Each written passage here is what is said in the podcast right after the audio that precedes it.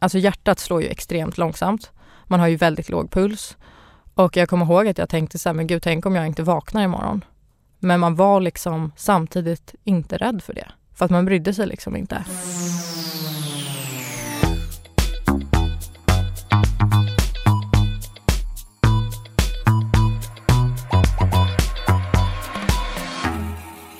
Hej och välkomna till ett nytt avsnitt med Ärligt talat med mig Alexandra.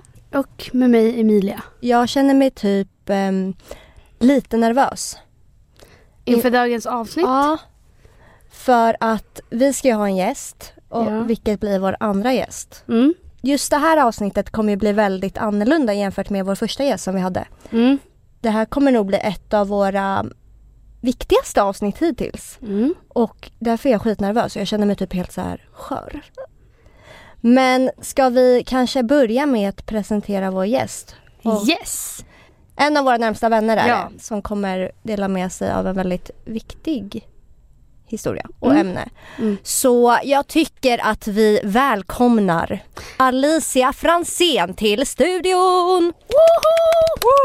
Tjena gummor! Kan du berätta lite om dig själv? Vem är Alicia Fransén? Ja, men jag är eh, 23 år, kommer från Stockholm. Eh, Jag är precis nyexaminerad. Eh, Så att nu är jag väl ganska arbetslös. Men eh, förutom det så skriver jag lite för Veckorevyn, eller jag är moderedaktör på Veckorevyn. Mm. Det är fett coolt. Ja men det är kul. Och eh, annars så håller jag på lite med sociala medier bland annat. Mm. Efter varje woo! Allt! Eh, nej men jag har ju pluggat PR och kommunikation i tre år. Yes. Eh, så att jag tog eh, studenten höll jag på att säga. Ja men jag tog examen nu för vad är det, tre veckor sedan eller något. Mm. Mm. Så ja. Och eh, ja annars, man bara, hur ska jag beskriva mig som person? Nej men jag är väl, gud där är som ett CV. Jag är ganska öppen och social. Eh, Gud, alla så här jobbförfrågningar kommer bara rulla in efter den här, det här Ja, introt verkligen. liksom. Arbetslös, alla bara mm, perfekt. eh, nej men hur skulle ni beskriva mig? Det är så svårt att så här beskriva sig själv. Fan vad svårt. Ja, det är skitsvårt. alltså, mm, man bara, vi fann dig i ett forum där ett man är forum. väldigt öppen Ja så det och liksom delar med sig av ganska mycket och det är på Twitter. Det Mm. var ju där ni fann varandra. Men Bästa gud, det var jag Alex- som fann Alexandra det var, var ett fan till dig Är det så? först. Men alltså för grejen är så här, jag kommer ihåg att jag, hade, alltså jag har haft Twitter ganska länge. Mm. Men jag twittrade inte själv, jag hade typ koll på alla andra. Och då kommer Ja jag för att, du följde mig. Ja och jag följde Emilia och jag kommer ihåg att Ja men jag följde Emilia typ, hade lite koll på henne och jag var så okej den här tjejen är ganska sjuk. Eh, för att du twittrade ju typ mycket om så här, ja men killar du låg med och lite så här. Man var ganska öppen liksom. Mm. Eh, och sen kommer jag ihåg typ så här, alltså det här var kanske fyra år sedan. När jag var med mina kompisar på Brillo på den tiden man hängde där. Så kommer jag ihåg att du satt där typ. Och jag bara, fan där är ju den där tjejen. Och så kommer jag ihåg att jag tänkte bara, där sitter hon och leker oskyldig liksom. Ingen jävla ängel. Nej men verkligen. Och sen kommer jag ihåg att, ja, men att jag hittade dig Paj också och började följa dig. Typ. Sen tror jag att vi började snacka på DM typ. Ja. Mm. Men Alicia, du är inte bara här för att du känner oss. Mm. Utan det är ju för att du har något jätteviktigt att dela med dig av. Ja, nej men jag tänkte ju eh, berätta lite om min ätstörning som jag har och har haft ganska länge. Mm. Eh, som ja, väldigt många andra har också. Och ehm, nej men jag har väl eh, alltid haft ganska så här skevt förhållande till mig själv och eh, till min kropp och till mat och sådär. Ehm, och det började egentligen när jag var ganska liten skulle jag nog säga. Ehm, ja men jag var kanske så här 10-11 år kanske. Ehm, och jag kommer ihåg att jag, ja men när man gick i lågstadiet så hade jag väldigt mycket kompisar som var så här super, supersmala liksom. Och jag kommer typ ihåg att jag redan då kände mig typ som den stora eller vad man ska säga. Eh, och jag kommer ihåg att jag typ kunde få lite så här små kommentarer. Typ som barn kan säga så här. Eh, ja men till exempel så här. Ja ah, jag är smalare än dig eller sådär. Eh, ja men så små kommentarer typ. Men alltså barn kan vara så jävla elaka. Ja men verkligen. Alltså typ så här, ja ah, du har så mycket fett. Eller ni vet typ så här. Mm. Och eh, även fast det var så länge sedan så är det ändå så här, saker jag kommer ihåg liksom. Ehm, och jag minns också att jag hade typ så släktingar. Alltså så äldre släktingar som kunde säga typ så här, ah, nu har du fått lite kött på benen typ. Så Mm. typisk grej som äldre säger liksom. Och ehm, ja, men jag tror att de här kommentarerna gjorde liksom att jag, att det, ja, men det satte sig i huvudet liksom. Och när jag var kanske så här 12-13 år så började jag väl liksom få en uppfattning om vad som var onyttig och nyttig mat liksom. Eh, Oj, det är ändå väldigt tidigt. Det är jätte, det är ja, jättetidigt. eller alltså så här nyttig onyttig, vad man trodde var. Mm. i Ja, alla fall. ex- okej. Typ så här, om jag kommer ihåg hemma så åt vi mest så här godis på helger och liksom sådana grejer. Så att, eh, ja men så här, det här äter vi bara på helger och ni vet Mm, sånt liksom. mm. Och på den här tiden så fanns ju inte liksom Instagram och sociala medier på samma sätt. Men jag minns att jag typ kom i kontakt med så här mycket bilder och texter så här, på typ Tumblr, Pinterest och sånt för det fanns ju då. Mm. Typ så här mycket, ja men Finspo som det kallades. Mm. Ehm, Vad är typ- det för något? det är typ så här bilder och texter som liksom hetsar folk att bli smala eller gå ner i vikt liksom. Mm, den, aha. Om ni, om ni ser sådana bilder så kommer ni säkert fatta vad jag menar. Mm. Men, eh, ja, men det fanns väldigt mycket på Tumblr. Jag tror inte att det nästan finns kvar idag för att jag tror att de Nej. har typ tagit bort allt sånt. Men då var det verkligen så här, eh, ja men det var liksom så här folk som hetsade varandra och går ner i vikt mer eller mindre liksom. Vadå, vad kunde det typ stå på bilderna? Ja men typ så här skip dinner end up thinner och så var det typ en bild på en Ja. jättesmal tjej liksom. What? Ni vet sånt. Men jag har sett sådana där Fuck. bilder. Alltså Mm. speciellt i Men- den, typ när man var yngre. För att Ja. nu har de där, man bara, de börjar försvinna. Mm. Men för några år sedan, då var det verkligen så här, folk la upp sådana där bilder på Instagram Gud, ja. i sitt feed och bara så bra text Precis. liksom. Men du menar thin insp eller thinspo? Precis. Jaha, jag tror du sa finspo. Okej, men typ så här smal inspiration. Precis. Ja. Exakt. Mm. Står det för liksom. Ja men exakt. Det var ju typ ganska stort på Tumblr och som Mm. du sa folk kunde typ lägga upp sån och bara wow inspo liksom. ja, Mm. ja, ja. Ehm, nej men så att jag kom väl i kontakt med det liksom och så där kan man väl säga ett litet frö började att gro. Mm. Eh, och sen när jag var typ 14-15 så kom jag ihåg så här i högstadiet gick man väl i då tror jag. Och att det var väldigt så här, trendigt att äta så lite som möjligt i matsalen typ. Mm. Mm. Ehm, alltså många tjejer åt ju typ bara knäckebröd och man tyckte all mat var äcklig och Mm. man skulle inte vara den som tog mat typ. Där någonstans så kommer jag ihåg att då var jag lite underviktig liksom. Ehm, fick jag veta av liksom min skolsyster men jag tyckte, alltså det stämde ju inte överens med den bilden som jag hade. Och eh, det var väl typ här någonstans när jag var 14-15 som jag, som jag själv började tänka bara men gud jag kanske har en ätstörning. Mm. För att jag hade börjat googla lite på det och så här, börjat förstå lite vad det var. Men samtidigt så var jag så här, nej men jag, det har jag nog inte liksom. Ehm, någonstans i mitt huvud så tänkte jag ju att jag var stor och att jag egentligen borde göra något åt det. Men eh, ja, det var liksom lite upp och ner.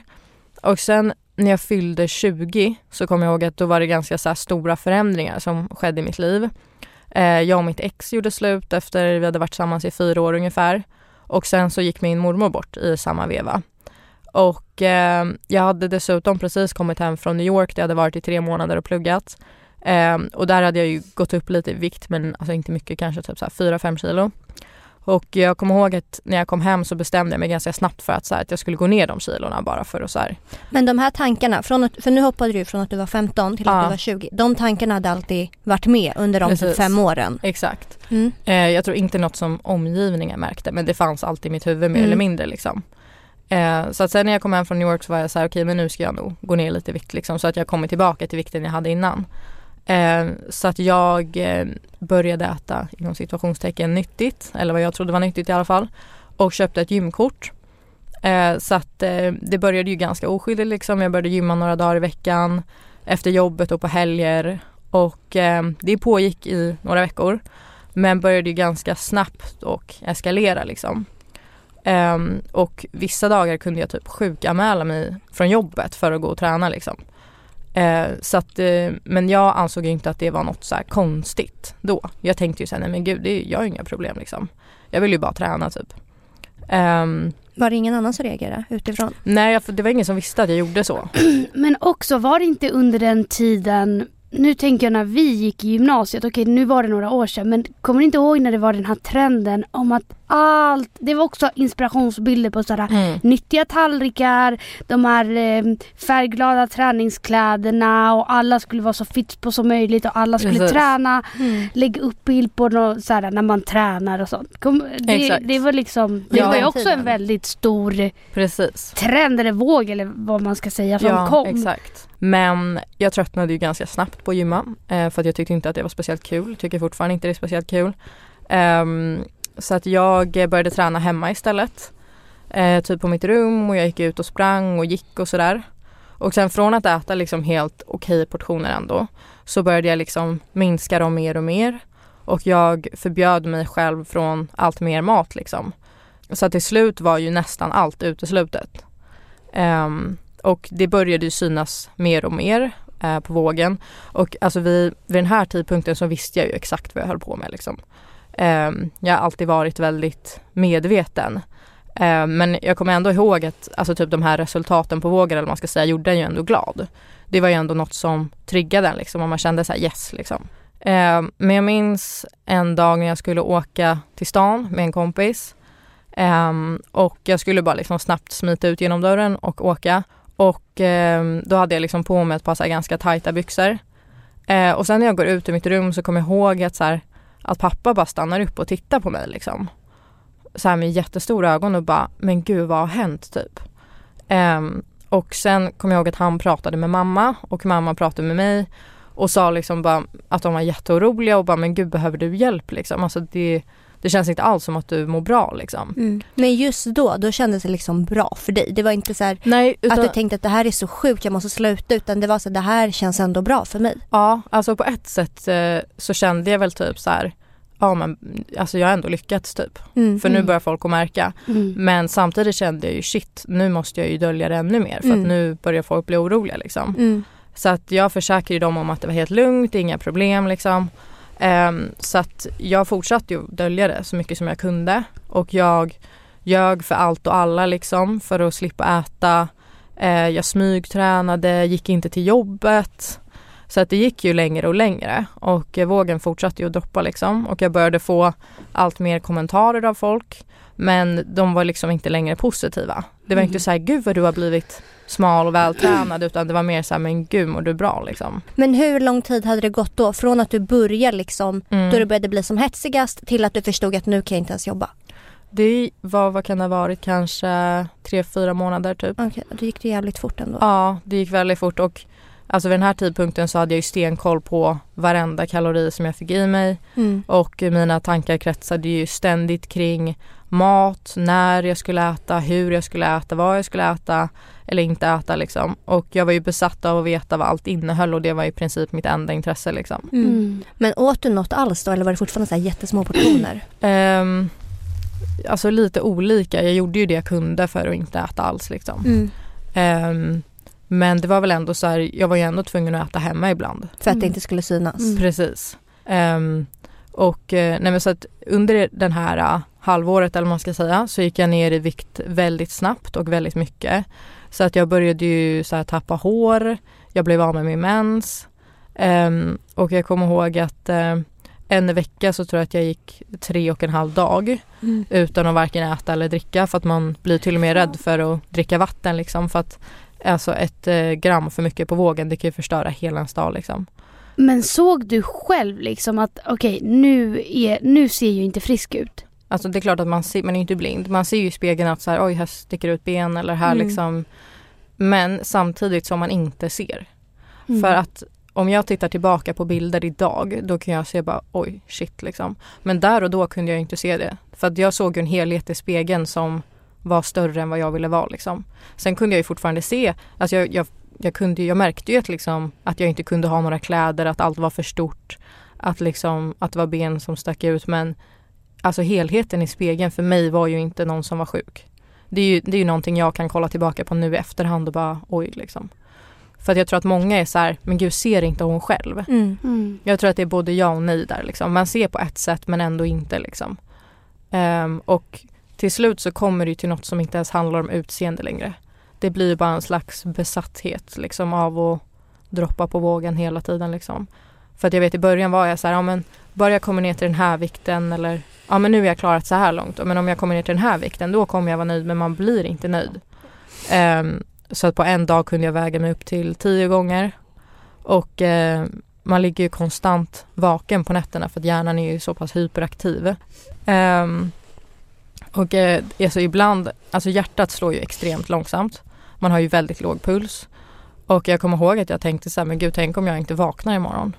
Men man var liksom samtidigt inte rädd för det. För att man brydde sig liksom inte. Alltså, för att det, det, det, andra var liksom viktigare typ eller? Ja precis. Mm. Men jag tänker typ, okej vänta. Ja. Vad vill du säga? Nej, fortsätt istället. Nej men vad vill du fråga? Vi kan ju komma till det annars. Ja, jag Ja. kommer till det sen. Eh, nej men sen så insåg jag ju till slut, okej men det här är ju faktiskt inte hållbart. Jag kommer inte kunna leva mitt liv så här. Eh, så att eh, jag gjorde en egen anmälan som det kallas eh, till SCA, Stockholms centrum för ätstörningar. Där hamnade jag hos en psykolog som mestadels tyckte synd om mig. Alltså det, och för mig var det så här, jag lyssnade ju liksom inte, jag var inte motiverad liksom. Men det som hände där på hösten var att jag kom in på en utbildning som jag hade sökt i Sundsvall.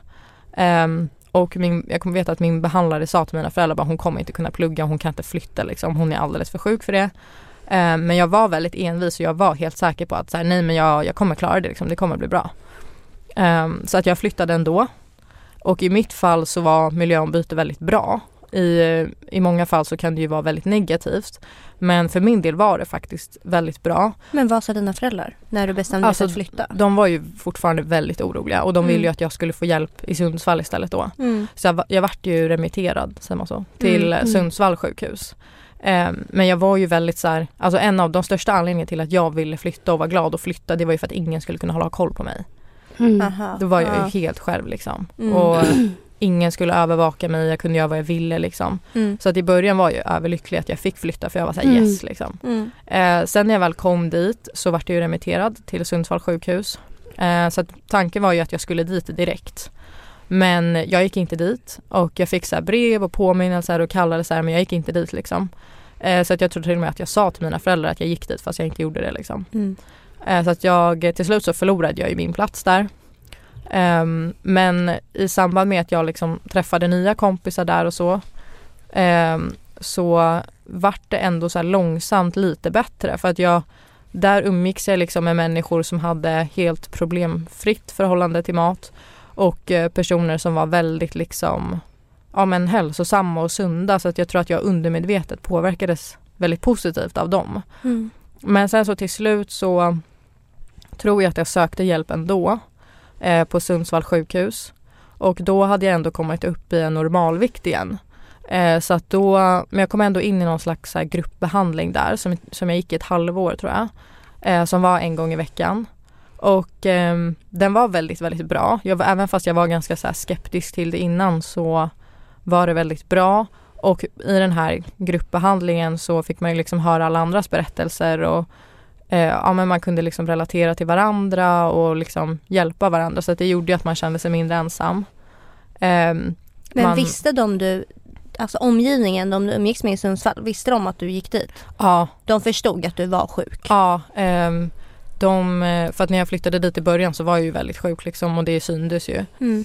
Ja, nej men så att jag gick i den här behandlingen och då skrev man matscheman bland annat och man, man fick alla de så här rätta verktygen kan man säga för att hantera sin ätstörning vilket var skitbra.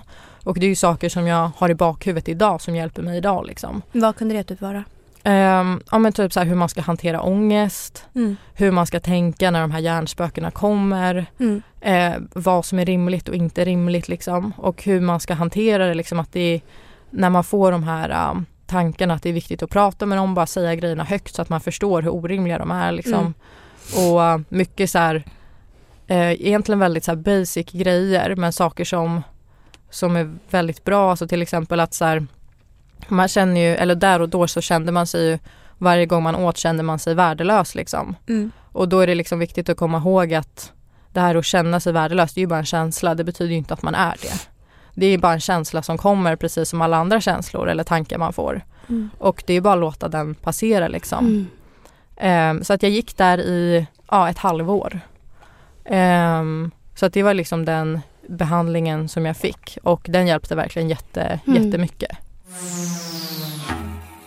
Alicia, men har du något speciellt minne liksom som du till exempel kan tänka på än idag och känna de känslorna du kände då eller några speciella minnen liksom från den tiden? Som du verkligen förknippar med det här insjuknandet? Mm. Ja, alltså jag har eh, några minnen liksom som är väldigt så här, starka. Ehm, och det är mycket så saker man typ har glömt bort eller bara förträngt liksom. Men jag minns alltså några så här sjuka grejer som man kan tänka på idag och bara men gud typ. Mm. Och jag kommer ihåg att det var, det var en, en gång som, jag kommer ihåg att mamma ringde mig. Och eh, verkligen så här, finns det någonting du kan äta liksom? Jag köper vad som helst typ, bara finns det bara någonting så här. Men jag tänker typ, förlåt att jag avbryter det, men Mm. jag tänker typ bara en sån grej att du ska typ äta middag med familjen. Ja. Gick det ens? Nej alltså det var typ till en början eftersom att jag försökte dölja det väldigt mycket så Ja. försökte jag ju bara äta så lite som möjligt och låtsas som att allt var bra typ. Men eh, desto liksom djupare man kom in i den här sjukdomen så alltså jag bröt ihop varje Ja. gång liksom. Det var ju alltid bråk Ja. eh, vid middagsbordet liksom. Det var ju alltid problem, alltså Mm. alltid liksom. Det gick ju liksom inte till slut. Nej. Men jag kommer ihåg att mamma ringde mig och var så här, men finns det någonting som du kan äta liksom? Mm. Och då var jag så här, ja men eh, du kan köpa just den här salladen liksom. Mm. Så här, salladspåse liksom. För det var den som jag kände mig trygg med typ. Eh, sen kommer jag ihåg att när hon hade kommit hem så gick jag ner i köket och öppnade kylskåpet och då har hon köpt fel. Hon har inte köpt alltså specifikt den jag bad om utan hon hade köpt upp en blandsallad. Och det funkade liksom inte för att då visste inte jag exakt vad den innehöll och det blev fel liksom. Mm. För det var inte det jag hade planerat att äta liksom. Mm. Och jag kommer ihåg att jag typ fick världens raseriutbrott. Mm. Alltså bara kastade den där påsen, sprang upp på mitt rum, smällde igen dörren och bara, jag kommer inte äta idag liksom. Men det var en grön sallad eller vad var det? Ja. En färdig isbergsmix Precis, typ? men det var inte exakt den som jag ville ha liksom. Mm. Så att då var jag så här, nej, kommer inte äta mer idag liksom. Och sen minns jag typ att eh, jag kommer ihåg ehm, när jag var ja, men väldigt sjuk så kommer jag ihåg att jag och min kompis var hemma hos mig och eh, jag typ hade så här stod och provade en klänning så här, stod och kollade mig i spegeln typ och då kommer jag ihåg att hon säger till mig så här ja men du är inte så smal och alltså att höra en sån grej Triggande. och så här, det enda jag hör i mitt huvud varje dag det är att jag inte är tillräckligt smal och att då, få, att då liksom få det bekräftat av någon annan. Mm. Alltså det var så jobbigt att höra. Det var verkligen som att få en spark i magen liksom. Och det hon menade var ju så här, ja men det är inte så illa, det kan ju bli värre. Mm. Mm. Vilket också så här, det är ju ingen positiv sak att säga heller. Mm. Men hon menade ju liksom inget illa men för mig var ju det så här, jag bara du kan inte säga så till mig liksom. Nej. Sen minns jag också typ så här eh, Jag vet ju att hela min familj mådde väldigt dåligt under den här tiden och det var inget som Alltså man blir ju väldigt självisk i sjukdomen men det är ju en anhörigsjukdom. Alltså folk, folk omkring en mår ju jättedåligt också. Såklart. Men det är ju inget som man själv där och då tänker så mycket på. För att man är ju så inne i det liksom. Mm. Men jag kommer ihåg typ att så här, mamma kunde sitta på min säng och bara gråta liksom. Mm. Och bara du får inte försvinna ifrån mig liksom. Och eh, alltså i vanliga fall så är det det värsta i hela världen. Ens mamma gråter, det är skitjobbigt. Mm. Men där och då var det så här, jag brydde mig liksom inte. Och det spelade liksom ingen roll vad de sa till mig för att även om jag fick höra att så här, du kan dö, alltså du kan inte fortsätta så var det så här, det spelade liksom ingen roll vad de sa. Okej, du ska ju försöka ställa följdfrågor här Emilia. Vad bra det ska det kommer gå. Men jag tänker, så som du berättar Alicia, att, att din tjejkompis har den där kommentaren. Mm. Och även fast den landade väldigt fel hos dig så kanske inte en, hennes intention var väl uppenbarligen inte att den skulle landa så liksom. Men när du tänker tillbaka på den här tiden, vad fanns det folk kunde ha gjort annorlunda? Ja, Och vad får man absolut inte göra? ehm, alltså jag skulle nog säga, det är ju bättre att säga någonting än att inte säga något alls. Mm. För att jag hade ju vissa nära vänner som såg på utan att säga någonting. Och jag förstår att man, man är ju rädd för att säga fel saker såklart Mm. för det är väldigt lätt att göra det. Ehm, jag har faktiskt skrivit en artikel om det här på Veckorevyn som heter eh, 10 saker att inte säga till någon med nätstörning. Så den kan man googla på. Den lägger vi på vår podd Instagram efter Ja. avsnittet. Eh, men jag skulle nog säga att så här, det viktigaste Alltså det är ju bara att fråga hur personen mår Mm. och man kommer troligtvis höra första gången att nej men det är bra med mig liksom, det är ingenting. Men fortsätt att fråga, fortsätt, fortsätt, fortsätt tills personen själv erkänner att nej men det är inte så bra. Mm. Ehm, och eh, om personen liksom vägrar erkänna att något är fel, prata med föräldrarna, prata med de andra kompisarna runt omkring, alltså prata med varandra liksom. Mm. Hur man ska kunna hjälpa den här personen men alltså det som jag skulle säga som är verkligen big no-no det är ju verkligen att säga gud vad du har blivit smal. Mm. För att det är så fruktansvärt triggande och det är precis det den personen vill höra. Så att kan man hålla sig från att säga det så är det jättebra liksom och så mycket bättre att fråga hur man mår liksom. Mm. Och hoppas på att den personen till slut kommer att öppna upp sig liksom. Och även så här, ja, men visa att man finns där. Och visa att så här, ja, men jag hjälper dig att söka hjälp eller liksom ja, jag kan följa med, alltså att man verkligen så här bara stöttar liksom. Ehm, och bara visar att man finns där. För att det var många i min omgivning, inte min familj men mycket andra kompisar som inte sa någonting alls. Mm. Eh, och det blir väldigt så här, det är ju så uppenbart att någon mår dåligt. Och är det någon annan, alltså är det någon som mår dåligt av någon annan anledning så frågar man ju alltid liksom. Men när det gäller en så här grej så är det ju väldigt känsligt och då tror jag att många liksom hellre Drar sig backar. från Backar liksom. Ja, för att de Mm. inte vet vad de ska säga. Mm. Så att bättre att säga något än att inte säga något alls skulle jag nog säga. Mm. Men jag tänker om jag hade känt, vi säger om jag hade känt dig under den här tiden då du var sjuk Mm. och du och jag ser att du bara blir värre och värre men det är ju jättemånga som blir som har ätstörningar och som insjuknar så men som inte vill ha hjälp, som håller en fasad uppe så som du Precis. sa. Men vad gör man då? Om man bara ser hur det blir värre men personen vill inte Vägrar ha liksom. hjälp. Ja, alltså det är ju det där som är det svåra för att eh, en person, man måste ju komma till den punkten att man inser själv Mm. att, eh, ja men för det första att man är sjuk och att man behöver hjälp för att om man inte vill själv och inte är motiverad då kommer det inte att gå för att då, då kanske man hamnar i någon så här behandling men att man bara fuskar sig igenom allt Mm. liksom. Mm. Så att jag tror faktiskt att man måste komma till den punkten själv att man vill för att när man väl vill då går det. För att det är ingen Mm. annan som kan göra en frisk liksom. Man måste, man måste vilja själv. Mm. Och tyvärr så blir folk runt omkring väldigt hjälplösa men det bästa man kan göra är att bara visa att man finns där och stöttar liksom. Mm. Och försöka i alla fall få personer i fråga att förstå. Men Mm. som sagt den personen måste komma till insikt med det själv förr eller senare. Liksom. Mm. Men jag tänker för att i allt det här det måste ju vara svårt att hitta en motivation till att nu vill jag bli frisk för att Mm. man Mm. måste ju vara så jävla djupt nere. Mm. Men vad var det som fick dig att bara nu ska jag bli bättre? Vad var det som fick dig att liksom Jag Gå framåt. Att, ehm, det var nog i samband med min flytt och jag skulle börja lära känna nya människor och sådär. Så vill jag ju ändå, jag vill ju vara med på allting. mm. Ehm, liksom jag vill ju vara med på alla middagar, alla utgångar. Jag vill ju liksom lära känna folk och vara med på saker. Mm. För att innan jag flyttade så var jag ju den som kom efter alla middagar, Mm. följde inte alltid med för att jag inte kunde liksom. Och nu när jag kom till den här nya staden och skulle lära känna nya människor så var jag ju så här, jag vill inte vara hon som är sjuk. Nej. Jag vill ju liksom visa en positiv sida av mig själv och visa vem jag är liksom. Mm. Sen så är det så, det handlar så, också så mycket, det är så sjukt att det handlar om vem man hamnar hos. För att när jag Mm. sökte hjälp, jag vet ju majoriteten av dem man pratar med oavsett om det är ätstörningar, någon annan sorts psykisk ohälsa så är det majoriteten som bara, jag fick inte den hjälp jag behövde i tid. Nej. Mm. Men typ när jag sökte för att jag var deprimerad då var jag så här. Jag hamnade hos en skitbra läkare som Mm. bara såg på mig och jag fick hjälp dagen efter för jag sa att om jag inte får hjälp nu då vet jag inte om jag kommer leva imorgon. Alltså Nej. typ så. Och det är så sjukt att det är sån skillnad på typ alltså människor. Mm. Men det är också, säger man de orden högt så, alltså Ja men det är så sjukt att det är det som ska krävas Och också, för att mm. något ska hända. Mm.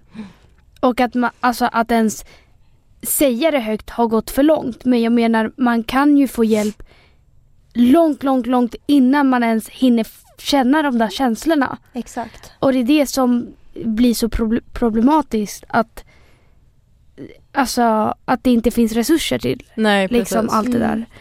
Okej men om vi går vidare från det här. Eh, idag, hur känns det idag? Kan du fortfarande bli triggad och vad är det i så fall? Eh, alltså jag skulle nog säga att idag så blir jag nog ganska mycket triggad undermedvetet. Mm. Eh, det är sällan att jag liksom känner så här, åh gud, nu blir jag triggad utan det är nog Mm. mer mest undermedvetet och jag tror att sociala medier är ju tyvärr en väldigt stor del av Mm. att många ätstörda blir triggade. Och jag tror att där är det så himla viktigt att alla tar sitt ansvar liksom, oavsett hur många följare man har. Mm. För att folk dör ju liksom med ätstörningar och jag tycker egentligen inte att man ska behöva säga mer än så för att folk ska förstå allvaret liksom. Mm. Och jag tror att man måste verkligen tänka på vad man signalerar ut till andra människor. Ehm, och eh, jag fattar ju att det är svårt att förstå för någon som inte har varit nära en ätstörning. Men om man tar som exempel liksom en 12-13-åring.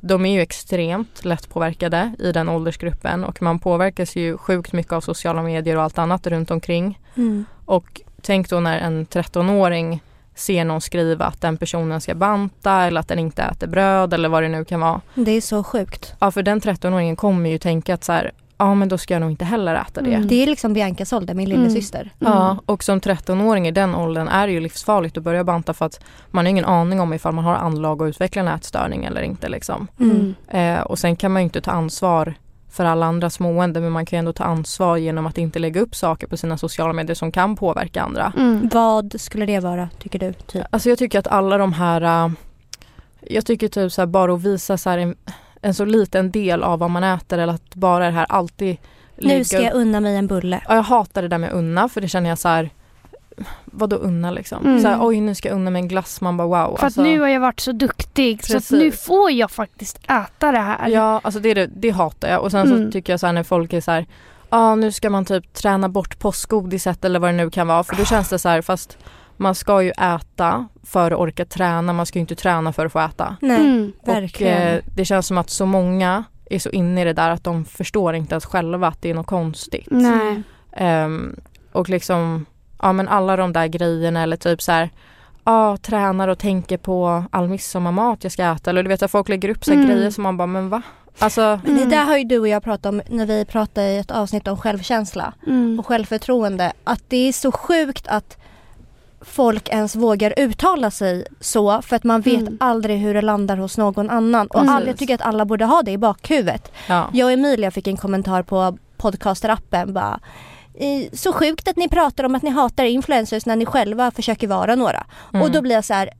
Vi hatar inte influencers men Nej. det är så många som använder sina plattformar fel. Mm. Och det, det här är ett så här typiskt exempel att man kan göra så jävla mycket bra av sin plattform. Mm. Mm. Sen fattar jag att man inte kan vara bäst och utbildad och ha kunskap inom allt men man kan verkligen göra något och Mm. man kan undvika att göra så jävla mycket också. Mm. Ja, och det är, ju, det är ju verkligen inte svårt. Det är ju bara att Nej. tänka ett steg längre och så här, fast om jag inte äter den här saken eller alltså det behöver man inte skriva ut. Nej. För att det är så många som undermedvetet och medvetet påverkas utav det. Mm. Och det är verkligen inte svårt att undvika vissa saker liksom. Nej, Mm. Men jag tror att folk är så inne i det där att de förstår inte att det är något konstigt eller fel utan de är så här, men vad då jag får göra som jag vill, jag får äta vad jag vill. Mm. Och man bara ja absolut men måste du alltid liksom skriva i detalj vad du inte äter eller vad du Men varför ska man ens göra det? Det är det jag inte fattar. Det är ju ingen som bryr sig egentligen. Nej. Alltså det är ju verkligen inte det.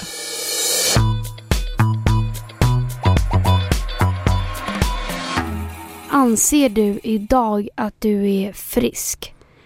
Mm, alltså jag skulle nog ljuga om jag sa att jag var helt frisk liksom. Mm. Jag har ju fortfarande mina dippar och dåliga perioder. Och det är ofta när man har en dålig period och mår dåligt över något annat så är det ju lätt att så de, här, eh, de här hjärnspökena tar över liksom. För att man är Mm. mycket mer, vad ska man säga, lättillgänglig för det då. Men eh, jag har ju verkligen så här mycket människor runt omkring mig som hjälper mig. Alltså till exempel min pojkvän är verkligen alltså, så bra på att stötta och finnas där och han har verkligen hjälpt mig jättemycket. Alltså, så fort jag får de här konstiga tankarna så pratar jag ju med honom om det. Mm. Och då han får ju mig förstå att jag är helt orimlig liksom. Eller så här, när jag kan få för mig grejer och bara Ja ah, men eh, jag tycker vi ska börja äta nyttigt. Och han Mm. bara Nej vi ska äta normalt liksom. Eller vadå? Alltså Mm. vet, så här, han är väldigt så här, vettig på det sättet. Så att jag, det är jag jättetacksam för men Ja alltså jag är väl ändå på väg till att bli frisk liksom, verkligen. Mm. Ehm, men man har ju sina dåliga perioder, det har man ju. Men det är en lång process, hela grejen till att kalla Ja. sig jag är helt frisk. Precis och det är väl också lite ett så problem på ett sätt för att bara för att man inte ser sjuk ut så kan folk vara så här Åh gud det är så skönt att du är frisk nu, det är Mm. så skönt att du mår bra och det är också lite så farligt att säga för att det är som sagt det sitter ju i huvudet.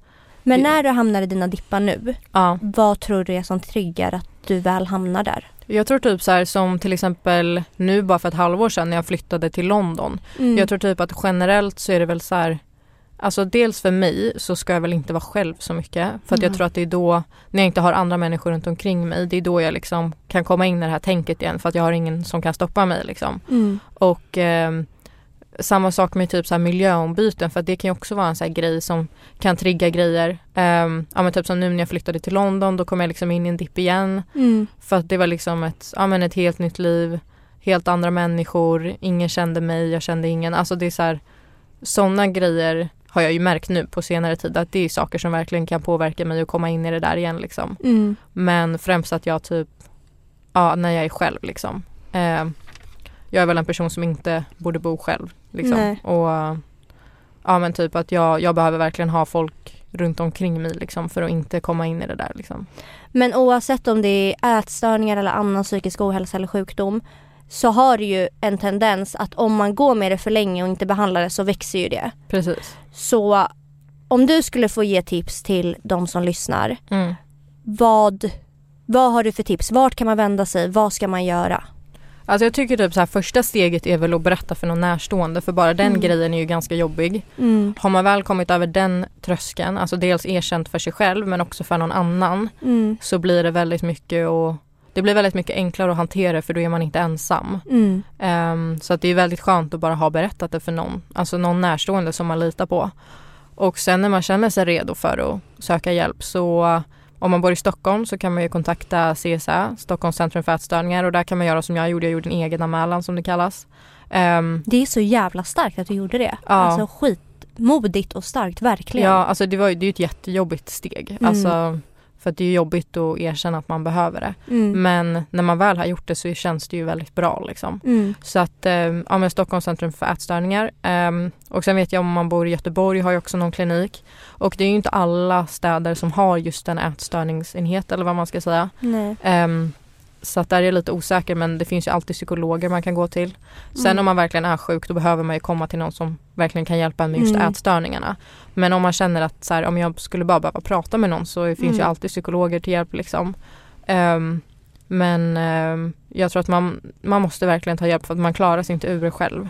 Och eh, ja, när man väl inser det så, och att man inte är ensam liksom. Mm. Mm.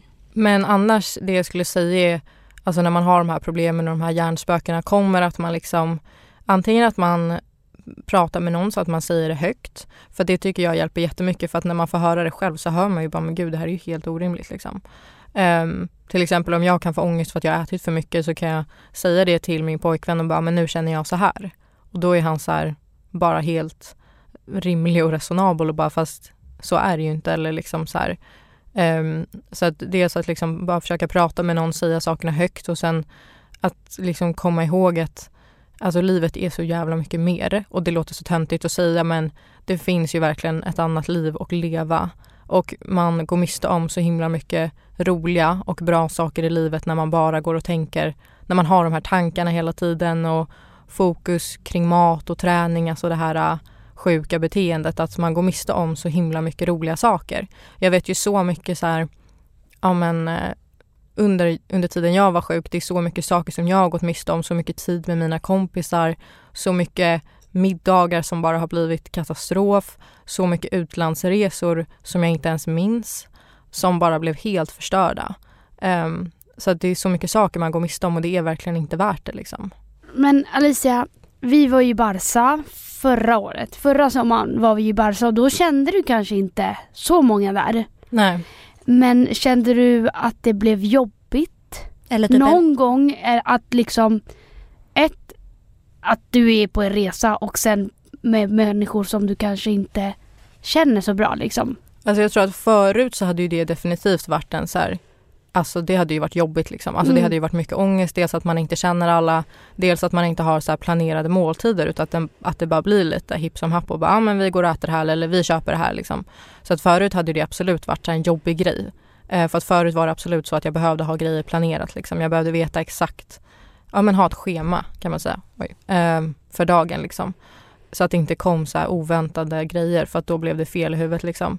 Men jag skulle säga att alltså, nu har jag kommit ändå så pass långt så att det är verkligen inte jobbigt. Alltså det enda jag typ så här kämpar med det är ju typ mina egna hjärnspöken liksom. Mm. Men att liksom göra så här spontana grejer och sånt det har jag verkligen inga problem med idag. Eh, så att det skulle jag säga att det är ganska problemfritt liksom. Men tänker du att du behöver hjälp för den här sista biten? Att, att du fortfarande behöver det lilla sista eller känner du att nu har jag alla verktyg så att jag klarar mig och det Jag- kommer bli helt bra? Jag tror nog att jag sk- möjligtvis kanske skulle behöva hjälp för den här sista biten liksom. Mm. Jag har ju funderat på att börja gå till en alltså, psykolog nu. Eh, bara för att få hjälp med den här sista, sista biten. För att slippa att de här tankarna kan komma liksom. Men sen tror jag också att det kommer ju vara Ja, alltså jag tror att det ändå kommer vara en liten del av mig, att det kommer alltid finnas Mm. kvar. Men jag tror att med åren så kommer det försvinna mer och mer. Det tror jag verkligen. Ja, det tror jag. Ja. Vi ska nog börja runda av. Ja. Tack, tack, tack, tack, tack återigen. Tack och själv. vi hoppas att det här inte är sista gången du kommer hit och gästar. Nej. Nej. Och för er andra lyssnare, vi hörs nästa vecka. Det gör vi. Puss och kram. Puss och kram. Hej då. Det här var en produktion ifrån Pod Agency.